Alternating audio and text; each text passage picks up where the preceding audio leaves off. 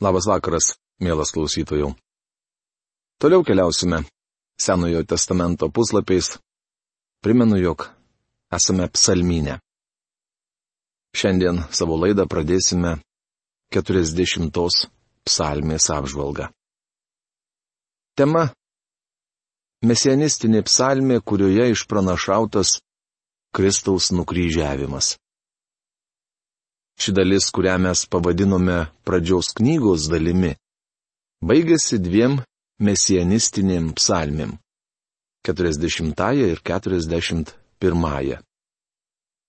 Jos vadinamos mesianistinėmis todėl, kad cituojamos Naujajame testamente. Dėl to šie du psalmino skyriai ypač svarbus. Kantriai laukiau viešpaties Jis pasilinkė prie manęs ir išgirdo mano šauksmą. 40 psalmės antra eilutė. Neveltui ši psalmė eina po 39-osios. Visos psalmės susijėtos tai yra, galime pastebėti testinumą. Kai kurie mano, kad čia aprašyti Davido išgyvenimai jam bėgant nuo apšalomo ir tai iš dalies tiesa. Tačiau 40-oji psalmi nuostabiai cituojama laiške hebrajams. Šioje psalmėje pats viešpats Jėzus giria Dievą ir dėkoja jam už prisikėlimą, pergalę ir pakilimą į dangų. Tai tikrai mesienistinė psalmi. Joje matome, kad Kristaus mirtis anaip tol nebuvo pralaimėjimas, bet didi pergalė. Sakydamas, kantriai laukiau viešpaties, jis pasilenkė prie manęs ir išgirdo mano balsą, jis turi omenyje šauksmą nuo kryžiaus. Ištraukė mane iš klampios duobės, iš mirtinos pelkės, pastatė mano kojas ant uolos, ir sutvirtino mano žingsnius. 40 psalmės trečia eilutė. Kristaus agonija ir mirtis lyginamas su klampe duobe, pražūtinga pelke. Mes negalime suvokti, kokia baisi iš tikrųjų buvo Kristaus mirtis ant kryžiaus. Man į lūpas įdėjo naują giesmę, šlovės mūsų Dievui giesmę. Daugelis tai matys, pagarbiai bijos ir pasitikės viešpačiu. 40. Psalmės ketvirta eilutė. Šioje eilutėje paminėta nauja giesmė. Mes jau skaitėme apie ją. Tai atpirkimo giesmė. Daugelis tai matys, pagarbiai bijos ir pasitikės viešpačiu. Ką jie matys? Viešpatės Jėzaus Kristaus mirtį ir prisikėlimą. Laimingas žmogus, kuris deda viltis į viešpatį. Jis nesikreipia į pagonių stabus ar netikrų dievų garbintojus. 40 psalmės 5 eilutė. Kosto burbulio Biblijos vertime šia eilutė skamba taip palaimintas žmogus, kuris pasitikė viešpačiu, nesikreipia į išdidžiuosius ir neina melo keliais. Mūsų viešpats Jėzus Kristus yra pavyzdys žmogaus, kuris pasitikė Dievu, nesikreipia į išdidžiuosius ir neina melo keliais. Viešpatie mūsų Dieve, tu daug mums padarėjai. Nuostabus tavo darbai ir užmojai. Panašaus į tave nėra. Niekada nepajėgčiau jų visų apsakyti, nes jų tiek daug. 40 psalmės šešta eilutė.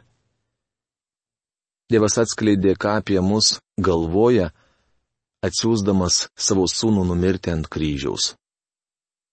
Šiandien daug svarstoma, ar yra gyvybė kitose planetose. Nesu ekspertas šioje srityje, tačiau manau, jog visai gali būti, kad be Žemės yra ir kitų apgyvendintų planetų. Tačiau dėl vieno dalyko galiu jūs užtikrinti. Nei vienoje iš erdvėje skriejančių planetų nėra kryžiaus. Ant kryžiaus Dievo Sūnus numirė tik žemėje. Tai nuostabu. Viešpatė mūsų Dieve tu daug mums padarėjai. Nuostabus tavo darbai ir užmojai. Na kaip aiškiai, Kristaus kryžius parodo mums Dievo meilę. Tolesnės eilutės cituojamos laiške hebrajams. Tu davėjai man suprasti, kad netrokšti krūvinos aukos ir javų atnašų. Neprašai deginamosios aukos ir atnašos už nuodėmę. Tada tariau, štai ateinu, raštų rytinyje man viskas nurodyta. Mano džiaugsmas - vykdyti tavo valią, mano Dieve, tavo įstatymą turiu širdyje. Didžiojoje sueigoje skelbiau tavo išganimo rūpesti, netramdžiau savo lūpų. Tu viešpatie tai turi žinoti. 40 psalmės 70 eilutės. Tai nuostabi psalmė, einanti po 39-osios, kurioje akcentuojama žmogaus trapumas ir laikinumas. Tu davai man suprasti, kad netrokšti krūvinos aukos ir javų atnašų. Profesoriaus Algirdo Jurieno Biblijos vertime ši ištrauka skamba taip. Pjaunamosios ir javienių aukos tu nenorėjai, ausis man padarėjai klauses. Paklausykite, kaip šiaip salmino vieta cituojama laiško hebrajams dešimtos kiriaus penktoje eilutėje. Todėl ateidamas į pasaulį jis byloja. Aukų ir atnašų tu nebenori, bet paruošiai man kūną. Palaukit minutėlę. Atrodo, čia klaidingai cituojamas psalminas. Biblijos kritikai sako, o, štai klaida ir prieštaravimas Biblijoje. 40 psalmės septintoje eilutėje pasakyta, ausis man padarėjai klauses, o laiškė hebrajams, bet paruošiai man kūną. Biblijos autorius yra šventoji dvasia. Ji parašė tiek senąjį, tiek naująjį testamentą, tiek psalminą, tiek laišką hebrajams. Ir turi visišką teisę keisti, ką yra parašiusi. Jei šventoji dvasia kažką keičia, vadinasi, turi tam rimtą pagrindą. Prisiminkime ano meto padėtį. Išeimo knygos 21 skyriuje užrašyti nuostatai dėl vergų. Jei žmogus vienu ar kitu būdu tapdavo kito vergu, po tam tikro laiko jam būdavo suteikiama laisvė.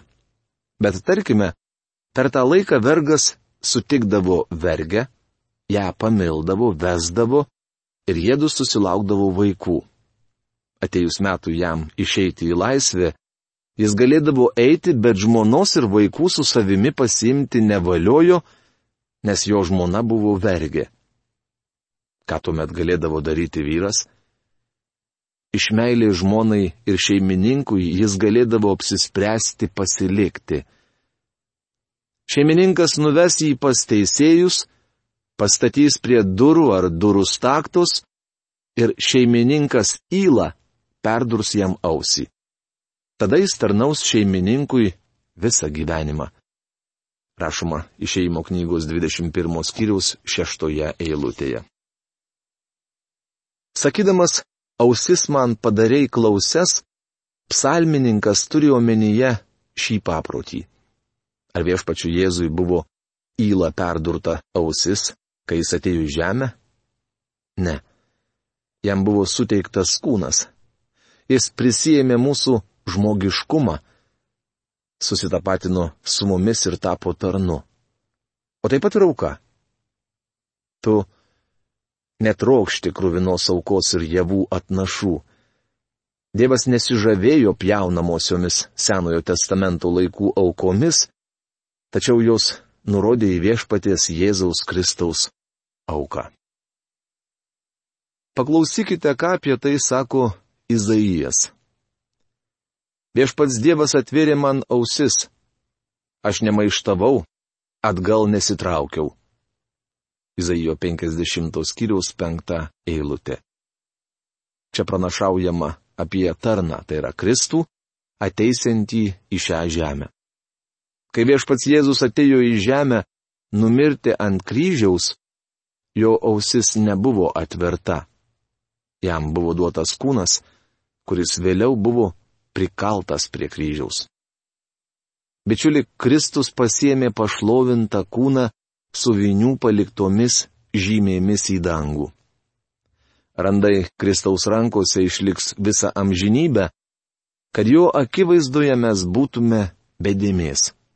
Matote, viešpats Jėzus padarė nepalyginamai daugiau, negu ištikimas vergas anomis dienomis.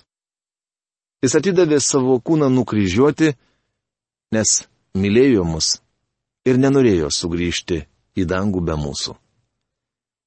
Drauguži, tai nepaprasta mesianistinė psalmė, kurioje kalbama apie viešpatės Jėzaus Kristaus nukryžiavimą, kurį jis iškentėjo iš meilės mums. 41 psalmė tema Mesianistinė psalmė, kurioje išpranašauta judo išdavystė. Šią mesianistinę psalmę Davidas tikriausiai parašė tuo met, kai jį išdavė Ahitofelis. Ištikimasis karaliaus patarėjas susidėjo su jo sunumi apšalomu, kai šis nusprendė sukelti maištą prieš tėvą. Galiausiai Ahitofelis nusižudė, o tiksliau pasikorė. Rašoma Samuelio antroje knygoje, 17 skyriuje 23 eilutėje. Ahitofelio poelgis yra judo Iskarijoto išdavystės provaizdis. Tokiame kontekste šią psalmę citavo ir mūsų viešpats. 41 psalmė prasideda palaiminimu. Laimingas, kas rūpinasi vargšais, Nelaimės dieną į viešpats gelbės. 41 psalmės antra eilutė. Ši psalmė prasideda ir baigėsi žodžiu palaimintas. Kosto burbulio vertime pirmoje eilutėje skaitome palaimintas, kuris kreipia dėmesį į vargšą, o paskutiniojoje palaimintas tebūna viešpats Izraelio Dievas. Kaip jau minėjome, palaimintas reiškia laimingas. Taigi pradžios knygos dalis pirma 41 psalmės prasideda ir baigėsi žodžiu laimingas. Pereikime prie atkarpos, dėl kurios ši psalmė ir vadinama mesianistinė. Net mano geriausias bičiulis, kuris dalyjosi su manimi duona, taikėsi man įspirti. 41 psalmės dešimta eilutė. Jėzus citavo šią eilutę kalbėdamas apie Judą. Deja, tai sakau ne apie visus jūs. Aš žinau, ką esu išsirinkęs, bet turi išsipildyti rašto žodžiai. Tas, kuris valgė mano duoną, taikėsi mane sutrypti. Rašoma Jono Evangelijos 13 skyriaus 18 eilutėje. Šią eilutę išpildė Judas, viešpatės Jėzaus išdavėjas. Petras taip pat užsiminė apie tai apaštalų darbų knygos pirmos kiriaus šešioliktoje eilutėje. Broliai, turėjo išsipildyti rašto žodžiai, kuriuos šventoji dvasia pranašingai ištarė Davido lūpomis apie Judą, tapusi Jėzaus suėmėjų vadovu. Toliau pasakyta dar kai kas. Bet tu viešpatė pasigailėk manęs, pakelk mane, kad jiems atmokėčiau. 41 psalmės 11 eilutė. Čia kalbama apie viešpaties Jėzaus Kristaus prisikėlimą. Pakelk mane, kad galėčiau jiems atlyginti. Šioje psalmino dalyje, kurią mes pavadinome pradžios knygos dalimi, buvo paminėta ne tik Kristaus mirtis, bet ir jo prisikėlimas. Noriu pabrėžti vieną svarbų dalyką Kristaus mirtis negali išgelbėti nei vieno. Gelbsti tik jo mirtis ir prisikėlimas. Pirmo laiško korintiečiams 15 skyriaus 3-4 eilutėse Paulius tiksliai apibrėžia Evangeliją. Pirmiausia, aš jums perdaviau, ką esu gavęs būtent. Kristus numirė už mūsų nuodėmės, kaip skelbė raštai. Jis buvo palaidotas ir buvo prikeltas trečią dieną, kaip skelbė raštai. Be viešpaties prisikelimo nėra ir Evangelijos. Beveik kiekvienas žmogus yra susidaręs apie viešpatį Jėzų tam tikrą nuomonę. Jėzus klausė savo mokinių. Kuo žmonės laiko žmogaus sūnų, jie atsakė, vieni jo nukrikštytojų, kiti Elyjų, kiti Jeremijų, ar dar kuriuo iš pranašų. Jis vėl paklausė, o kuo jūs mane laikote? Tada Simonas Petras atsakė, tu esi Mesijas, gyvojo Dievo sūnus. Taip prašoma Mato Evangelijos 16 skyriaus 13-16 eilutėse. Kuo jūs laikote Kristų? Daugelį šio laikinių veikalų ir piesių viešpats Jėzus paliekamas ant kryžiaus arba kapo rūsyje. Tomas Jeffersonas mokydamas moralės paliko Kristų kape. Jo knyga baigėsi tuo, kad ant kapo angos buvo užritintas akmuo. Tame nėra Evangelijos. Akmuo buvo nuristas ir viešpas išėjo iš kapo. Jis buvo prikeltas iš numirusių. Dėl to mes galime pasakyti, Te būna pagarbintas viešpats Izraelio Dievas nuo amžių per amžius. Amen. Amen. 41 psalmės 14 eilutė. Ši eilutė baigėsi dvigubu Amen. Amen. Amen. Reiškia, kad Dievas visiškai užbaigė mūsų išgelbėjimą Kristui prisikėlus iš numirusių, pakilus į dangų ir atsisėdus Dievo sosto dešinėje. Kristus užbaigė išgelbėjimo darbą dėl mūsų. Jums nereikia nieko prie to pridėti. Tačiau ir netimkite nuo Evangelijos, nepaisydami Kristaus prisikelimo. Be jo prisikelimo nėra Evangelijos. Šią psalmę baigėsi pradžios knygos dalis. Neveltui pradžios knyga vadinama visos Biblijos miniatiūra, tai yra, pradžios knygoje užsimesga visos didžiosios šventojo rašto tiesos. Panašiai ši pirmoji psalmino dalis apžvelgia visą psalmyną. Nors pradžios knyga baigėsi karstu Egipte, ši pradžios knygos dalis psalmynė baigėsi džiugia prisikelimo gaida. Dabar pažiūrėkime į išėjimo knygos dalį - psalmynę.